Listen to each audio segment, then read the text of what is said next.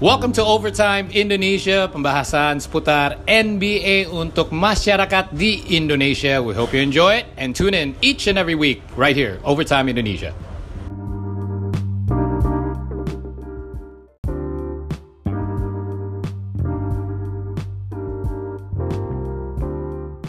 Jadi eh, banyak apa ya ibaratnya banyak masukan nih dari netizen karena ini lagi libur juga NBA dan apa ya ibaratnya karena ini lagi libur juga jadi beberapa hari kemarin tuh sempat nggak ada podcast karena gue pribadi juga bingung mau bikin podcast apa. Tapi ini ternyata ada yang menarik pembahasan seputar tim basket USA ya yang buat FIBA World Cup. Karena banyak yang bilang bahwa eh, pemain-pemain superstarnya NBA ini pada bail out. Ada yang bilang kayak wah ini nggak peduli sama negara apakah karena Donald Trump? Ada yang bilang karena eh, ya ini karena ini FIBA World Cup mereka lebih lebih senang main untuk Olimpiade gitu. Ada juga yang pemain-pemain NBA yang ditanya di interview kalau dia mau saatnya family time atau banyak yang kayak Russell Westbrook pindah James uh, pindah ke Houston Rockets mereka butuh penyesuaian. Jadi banyak roster-roster baru. Jadi itu alasan kenapa mereka nggak ikut tim USA sekarang. Ada juga yang bilang pemain di interview kalau di ya udah ini saatnya pemain-pemain muda untuk untuk apa namanya untuk unjuk gigi uh, mengharumkan nama Amerika Serikat gitu. Tapi kalau gue pengen nanya ke Rana sebenarnya ada masalah apa sih ini di tim USA yang FIBA World Cup ini? Ada yang bilang bahwa ini lebih jelek daripada tim 2004 yang waktu itu Allen Iverson main ada tim Duncan juga tapi mereka kalah dapat eh perak ya perak apa waktu 2004 mereka dapat apa sih Jangan-jangan bronze ya? oh iya iya bronze ya lebih parah lagi ya nah ini katanya lebih parah lagi daripada tim itu bahkan ceng-cengannya orang Amerika sana oh ini tim Z tim Z nih ketemu Yanis Yunani yang katanya main bakal di wah dihabisi gitu. Lu lu setuju nggak sih kalau roster ini parah dan apakah ini lebih parah daripada roster yang 2004? Lo bisa make the case kalau uh, bukan hanya lebih parah dari roster tim Olimpiade uh, US di Olimpiade 2004, uh, jangan-jangan ini selevel sama tim mereka yang benar-benar kalah di World Championship 2002 di Indianapolis. Kala itu kapten tim USA adalah uh, idola gue Reggie Miller tapi yang sudah 37 tahun Iya. dengan Paul Pierce yang masih muda, Ben Wallace yang belum jadi All Star dan pemain-pemain yang bisa dibilang bukan uh, pemain papan atasnya NBA waktu itu. Uh, tadi lo udah mention kalau ini ada yang bilang ini tim Z. Kalau gue nyebutnya ini tim USA Celtics karena kayaknya tim yang pemain-pemainnya sementara ini nggak mau bail out dari Iya. tim US kebanyakan Boston Celtics. Kemba Walker bisa dibilang menjadi bintang terbesarnya USA kali ini. Iya. Um, kemudian juga ada Jason Tatum di situ. Marcus Smart udah bilang dia mau main kalau nggak terganggu cedera dan Jalen Brown ya. Jadi tapi yang menarik adalah mungkin alasannya bukan semata-mata untuk membela US tapi sama dengan alasan kenapa banyak pemain nggak mau main buat tim USA yaitu untuk bisa membangun chemistry dengan roster barunya Ya. karena kan ini kan buat buat pemain-pemain Boston yang gue sebut tadi kan jadi sekalian lo main di kejuaraan ini lo memadu chemistry uh, apalagi setelah Kyrie cabut kemarin gitu kemudian juga selain semua hal yang udah lo sebut tadi ada masalah scheduling karena memang uh, waktu uh, perhelatan FIBA World Cup ini di bulan Agustus yang sangat dekat dengan training camp dan kemudian uh, NBA yang sekarang agak dimajuin schedule-nya. Uh, mungkin analoginya kalau lo fans bola, fi- emang ini namanya FIBA World Cup, tapi secara prestise mungkin lebih dekat ke UEFA Nations League kemarin. Jadi bukan prioritas yang paling tinggi dan memang kalau di dunia basket Olimpiade itu lebih punya value gitu. Itu mungkin masih akan membuat pemain-pemain basket wah apa nih yang belum gue capai kan liga-liga domestik US kan ini kebiasaan orang Amerika apa-apa dibilang world world world kan lo menang NBA lo world champions kan. Iya. Nah mungkin yang dianggap lebih tinggi bagi mereka itu adalah Olimpiade karena secara histori dan karena ada medali emas, perak, perunggu yang sangat-sangat eh, prestisius. Jadi secara skala prioritas turnamen ini tidak menjadi eh, hal yang diutamakan bagi pemain-pemain. Tentunya juga selain membangun chemistry tadi, jadwal yang mepet, eh, dianggap ini yang disebut sama si Jamie Cullum juga bahwa dengan berbagai perpindahan di NBA eh, kali ini nggak ada satu kandidat kuat juara kayak Golden State zaman ketika Durant Curry semua masih lengkap. Oke, Clippers yang mungkin sebenarnya paling diunggulkan tapi tidak seabsolut waktu itu. Jadi the field is wide open sehingga wah kayaknya kalau kita niat musim ini di tim mungkin kesempatan kita untuk dapat gelar juara lebih gede. Uh, tentunya juga di samping pertimbangan-pertimbangan soal uh, mungkin mau off time karena kan NBA itu padat banget musimnya, off seasonnya Ya. juga nggak lama. Kapan sih mulainya NBA? Eh, setahu gua tuh September udah mulai. Jadi emang sebenarnya padat banget kan gitu.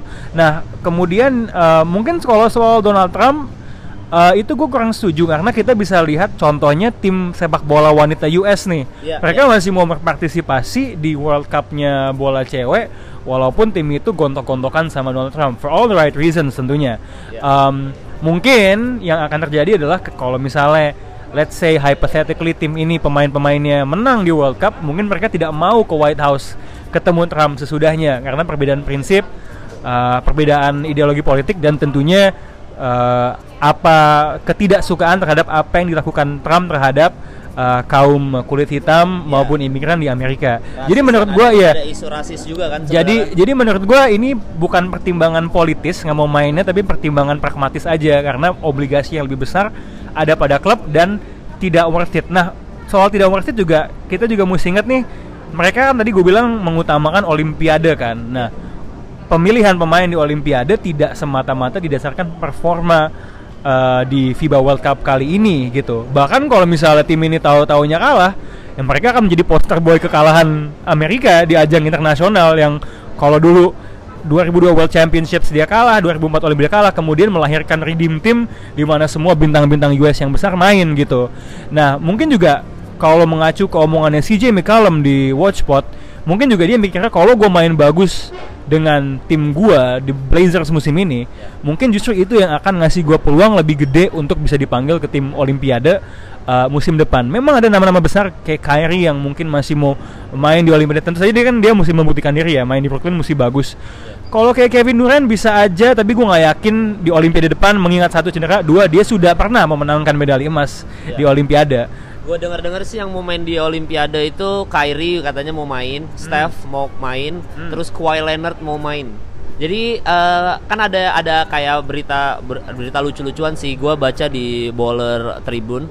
Dia bilang bahwa eh, LeBron James sama Steph Curry itu nggak pernah satu tim loh. Maksudnya nggak pernah event itu All Star atau tim kayak Olimpiade atau apa pun itu mereka tuh bener-bener kayak rival sejati gitu, nggak pernah satu tim gitu. Ada nggak kemungkinan kalau di Olimpiade nanti tiba-tiba LeBron mau ikutan, terus tiba-tiba Steph ada di situ, jadi akhir mereka satu tim gitu. Well, eh gue belum melihat ada sinyal dari camp LeBron untuk mau mengingat beberapa hal. Satu usianya, eh, karena selain semua proyek sampingannya, LeBron suka bilang selain tentunya dia mau jadi juara lagi, dia mau bisa main sama anaknya di NBA. Iya. Nah, tentunya untuk bisa mencapai itu dibutuhkan longevity kan, dibutuhkan kesehatan di sisi LeBron untuk terus bisa bermain walaupun sudah uzur. Jadi gue melihat ada kemungkinan LeBron kayaknya lebih ingin menyimpan tenaganya ya. Ya. Jadi ini bukan karena let's say nggak mau main sama Curry, tapi lebih karena gue ingin tujuan yang lebih penting bagi LeBron adalah itu. Tapi nggak menutup ke- kemungkinan juga karena kan kadang kala bisa aja kayak gini sih, bisa aja ya. Gua gua nggak tahu timelinenya ya, tapi dan gua nggak tahu LeBron main sampai usia berapa dan sampai usia berapa dia akan sebagus ini gitu. Cuman uh, karena kalau kita ingat dream team yang paling pertama pun kan ada pemain-pemain yang main di penghujung karirnya. Larry Bird, Magic Johnson, Ya. mereka main sebenarnya technically ketika gue lupa Larry Bird mungkin udah pensiun kali ya di musim itu udah hampir- 92 hampir gitu kan. pensiun kan. Uh, Magic Johnson eh kalau nggak salah udah kena eh, apa eh, udah retire karena HIV waktu itu. Ya. Jadi ada pertimbangan-pertimbangan eh, tadi kayak kayak kayak semacam swan song loh, kayak asa terakhir gitu. Sekali lagi gua ngebela timnas di sebuah kompetisi yang sebenarnya tidak seagresif, tidak sesusah eh, NBA gitu kan. So Benar, benar. the, the door is open tapi gua at this moment mengingat tujuan pribadinya LeBron, gua tidak akan bertaruh akan hal itu. Iya, jadi nggak akan ada bayangan bahwa Steph tiba-tiba satu tim sama LeBron James ya. Nah, kembali lagi ke USA yang FIBA World Cup ini. Menurut lo pribadi Ran, kira-kira tuh mereka mereka tetap menangkah FIBA World Cup ini atau ya bisa aja kalah bahkan ba- kan gue baru baru keluar tuh tadi pas gue lihat Instagram baru keluar mereka tuh satu table sama Jepang sama Turki sama satu lagi apa gitu Nigeria atau apa gitu menurut lu nih bakal tetap menang mendominasi FIBA World Cup atau justru apa ya susah payah gitu menangnya gitu. Well, menurut gua kalau ngomongin unggulan pertama bahkan dengan squad USA Z ini uh, secara overall squad paling kuat tetap uh, tim USA. Apalagi di posisi-posisi satu dan dua. Posisi guard wing itu paling kuat uh, USA. Cuman karena ketidakadaan ketiadaan pemain-pemain bintangan terbesarnya pastinya gap Oh, ada selisih yang besar, PJ Tucker. Oh itu untuk untuk main small ball tuh nanti ya, center yang kecil gitu kan. Um, tetap ini sih, tetap uh, mungkin akan lebih kompetitif ya. uh, apalagi uh, selain tim-tim kayak Spanyol yang secara tradisional di kancah internasional bagus, uh, Australia walaupun tidak diperkuat Ben Simmons akan tetap oke. Agak disayangkan karena ada banyak pemainnya yang memilih untuk tidak main sama dengan USA. Kayak misalnya uh, uh, Andrew Wiggins nggak mau main, kemudian what's the nama yang uh, draft pick New York siapa? Ah, aduh, iya iya. RJ RJ Barrett juga nggak mau main gitu kan. RJ Barrett nggak mau main ya. Ya semuanya juga sebenarnya sama uh, karena mendahulukan Olimpiade gitu. Kalau misalnya mau turun, Um, mungkin yang sebenarnya bisa menjadi kuda hitam yang menjegal tim USA ini Serbia. Karena Serbia itu punya banyak pemain NBA, big man-nya itu Bobby Marjanovic sama Nikola Jokic. Yang Oh, Jokic main. Jokic main. Jokic sementara ini bilangnya mau main dan kalau kita lihat siapa yang ada di squad USA kalau ngomongin big guy itu big man-nya ada Brook Lopez, ada sementara ya, ini kan belum di-cut nih, Miles Turner, eh, PJ Tucker tadi yang nggak gede-gede banget pemain-pemain ini mungkin kalau disuruh ngejagain big man kayak Jokic akan kesusahan dan kita juga jangan lupakan tim dengan MVP eh, NBA musim ini eh, Giannis Antetokounmpo yang eh, yang telah memutuskan eh, dengan Mamba mentality memutuskan untuk main di FIBA World Cup karena setiap pertandingan bagi dia worth untuk dimenangkan. Itu juga dengan size-nya, dengan kombinasi size dan em, skillnya akan menjadi lawan yang merepotkan untuk eh, Amerika. Prediksi lu finish di berapa nih mereka? Satu, dua, tiga, atau nggak sama sekali? Empat, lima? gitu. Menurut gua masih minimal masih masuk final sih. Buat gua US. X Eh, Factor, X Factornya yang paling yang tiba-tiba bersinar di di eh, apa namanya di FIBA World Cup ini siapa? uh, Pemain X Factor satu misalkan selain Kemba Walker ya misalnya Kemba Walker ya oke lah gitu. Tapi Enggak. pasti ada pemain muda yang tiba-tiba mencuat nih. maksud lo di tim USA-nya nih, Iya, di siapa yang USA. Eh, kalau menurut gua kalau lihat dari scrimmage kemarin ya, Jason Tatum yang kayaknya pengambilan keputusannya sudah semakin baik ya, nggak ngambil eh, dua poin dua poin mid range yang disarankan sama Kobe Bryant ya. Oh, siap. Kemarin three point three pointnya sudah smooth, rilisnya bagus dan eh, ya dia bisa menjadi pemain as. Eh, mungkin selain itu eh, juga ada Donovan Mitchell Iya. um, yang uh, mungkin juga ingin membuktikan diri apalagi kita lihat Utah rosternya juga bagus musim ini he wants to show that he's the main man dia siap untuk make that leap menjadi bona fide all star gitu um, itu sih itu sih dua dua pemain uh, gue lagi lihat rosternya kan Iya. Sementara masih ada 17 pemain, ada Harrison Barnes, Marvin Bagley, Jalen Brown, Darren Fox. Darren Fox juga bagus loh. Iya, dia dia bagus. dia tipikal pemain yang menurut gua gua bilang tadi susahnya USA adalah eh, bagi lawan-lawannya USA adalah di posisi 1-2 gue nggak tahu siapa pemain eh, di tim lain yang secepat Darren Fox yang punya speed seperti itu Eh, Joe Harris gue nggak tahu apakah he's gonna make the cut gue sih pingin karena bagus lo punya satu shooter Kyle Kuzma juga pasti ingin membuktikan diri kalau dia bisa menjadi um, third option ya di tim Lakers musim ini. Brook Lo- Lopez stretch 5, Kyle Lowry ini masih tentatif nih, tergantung ada berita dia cedera bisa aja dia pull out. Apalagi dia sudah pernah main di Olimpiade.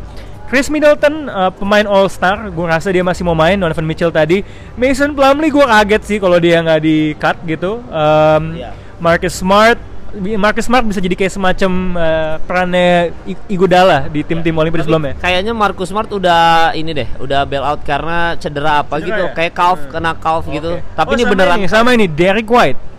Derek White ini menarik nih karena uh, point guard punya size, tipikal Ya. pemain yang di dikembangkan sama uh, industrinya Spurs uh, dengan di bawah Greg Popovich.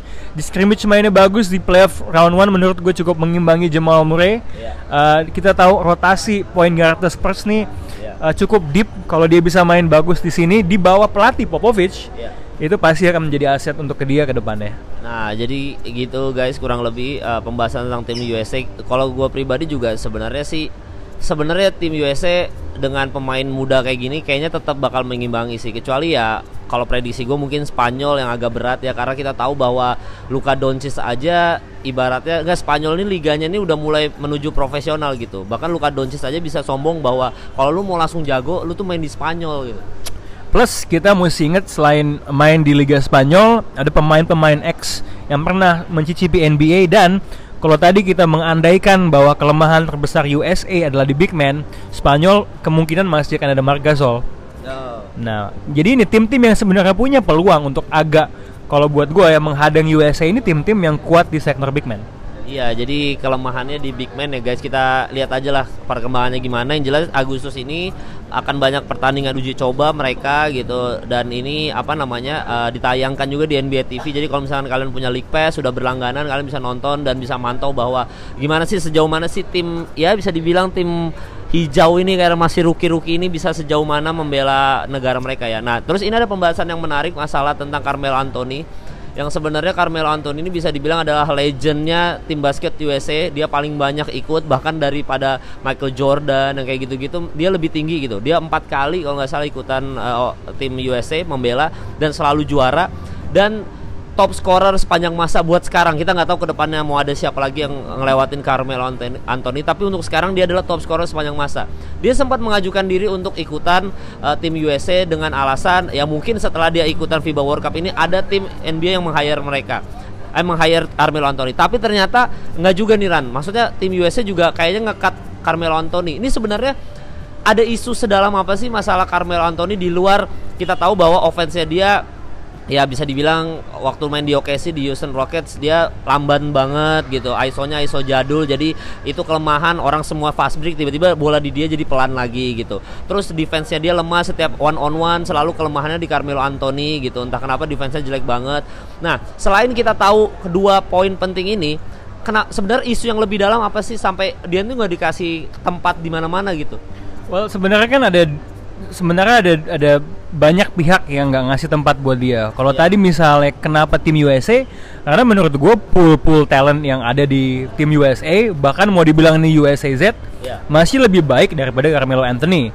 Dan yang kedua, kalaupun tim ini butuh tim USA butuh figur veteran, uh, berarti mereka butuh orang yang karakteristiknya lebih kayak leader. Nah mungkin memang Carmelo tidak dilihat dia adalah leader yang baik kan Uh, dalam perjalanannya di NBA sempat dia beberapa kali berkonflik.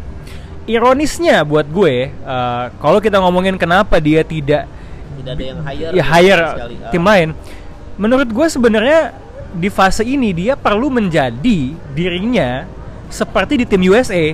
Karena kalau di tim USA kan dia jadi spot up shooter, bukan orang yang main ISO ISO Ya. gitu.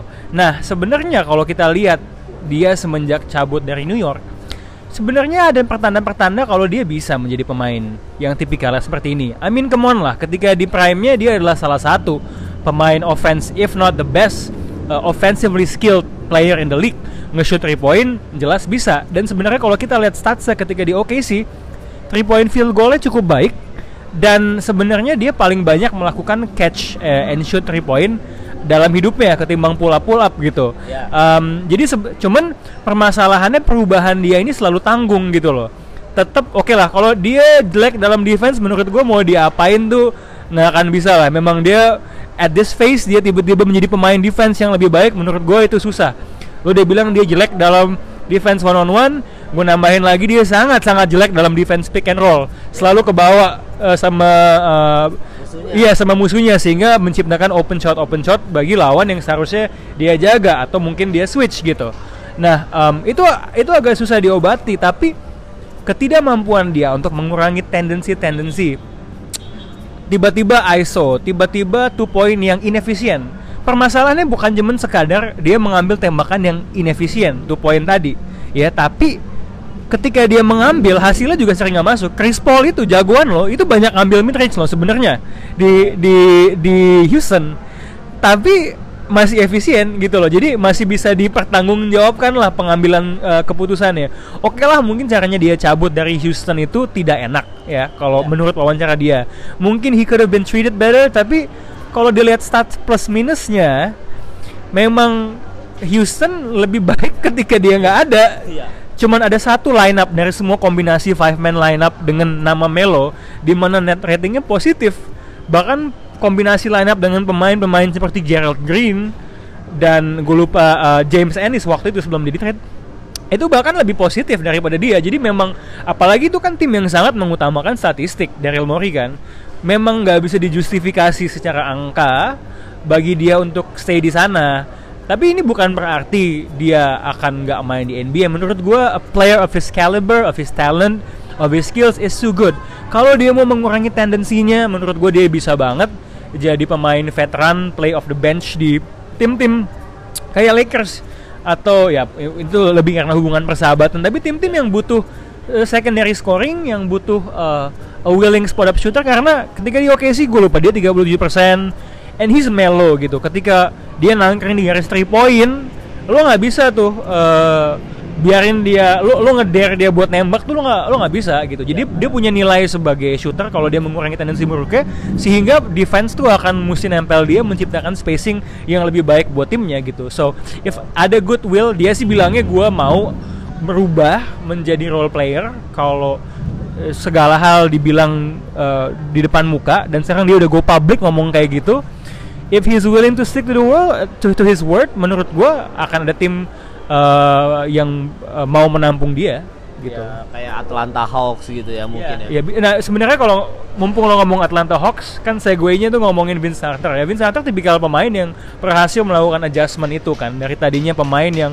sangat dominan memegang bola, sangat eksplosif ketika kemampuan-kemampuan fisiknya sudah declining dia bisa transisi jadi spot up shooter. Namun Melo seharusnya dengan dengan skillnya ya. Kalau kita ngomongin offensive skill menurut gue bagusan Melo seharusnya dia bisa bertransisi menjadi uh, spot up shooter yang tidak bisa diremehkan. Oke, okay, defense akan selalu ada masalah, but if you can be an efficient player, if you can shoot the three, selalu ada tempat di lo di NBA modern. Oh, jadi kalau dibandingin Vince Carter nih memang pembahasannya adalah Bang, kan ada Vince Carter aja dikasih kesempatan retire satu musim lagi gitu. Kok Carmelo enggak? Padahal Carmelo jauh lebih baik daripada Vince Carter. Secara defense Vince Carter sama Carmelo Wah, gue nggak hafal uh, defensive statnya Vince Carter, tapi yeah. Melo traditionally kita lihat memang sangat buruk ya. Defensif menurut gue bagusan uh, Vince Carter ya, at least dari segi eye test gitu. Uh, menurut gue juga mungkin kenapa Vince Carter di di, di, di, di penghujung karirnya adalah dia dianggap sebagai pemain veteran yang punya presence di locker room, yang yang berwibawa, yang nggak macem-macem. Kan dulu kan sebenarnya dia bermasalah hanya di penghujung uh, karirnya di Toronto ketika dia minta di trade sama waktu sempat dibahas yang dia mau game 7 lawan Philadelphia dan dia uh, ikut wisuda uh, on the same day gitu. Yeah, nah, yeah. cuman selain itu kan dia tidak pernah banyak ada pemberitaan yang macam-macam. Lain dengan Melo yang kayaknya sempat slack sama pelatih D'Antoni di New York uh, jealous ketika Jeremy Lin uh, ada Vaseline sanity-nya gitu loh jadi mungkin ini juga permasalahan hal-hal intangible sih seperti itu yang uh, takutnya akan jadi masalah. Karena kalau ini gue hanya menerka-nerka ya kalau dilihat dari apa yang dikatakan Melo uh, dalam wawancara ke Stephen A. Smith, gue menduga kayaknya yang hire dia tuh juga agak segan gitu ngomong ke dia. Ya itu mungkin susahnya lo menjadi seorang pemain yang cukup punya standing ketika lo adalah Carmelo bukan pemain uh, biasa. Tapi menurut gue ya setidaknya sekarang dia sudah menunjukkan ada itikat baik di publik dan sekarang leverage-nya itu bukan di dia gitu loh bukan tim yang butuh Melo tapi Melo yang butuh main basket nah jadi seharusnya uh, if he still wants to play and I'm sure he knows it he will uh, eat humble pie adjust his game dan kalau bisa seharusnya ada tim NBA yang mau menampung dia. Ya, amin. Semoga Carmelo Anthony bisa retire lah satu season lagi ya guys. Kita doakan aja bareng-bareng. Yang lucu itu kalau misalnya dia tiba-tiba ke Denver sih.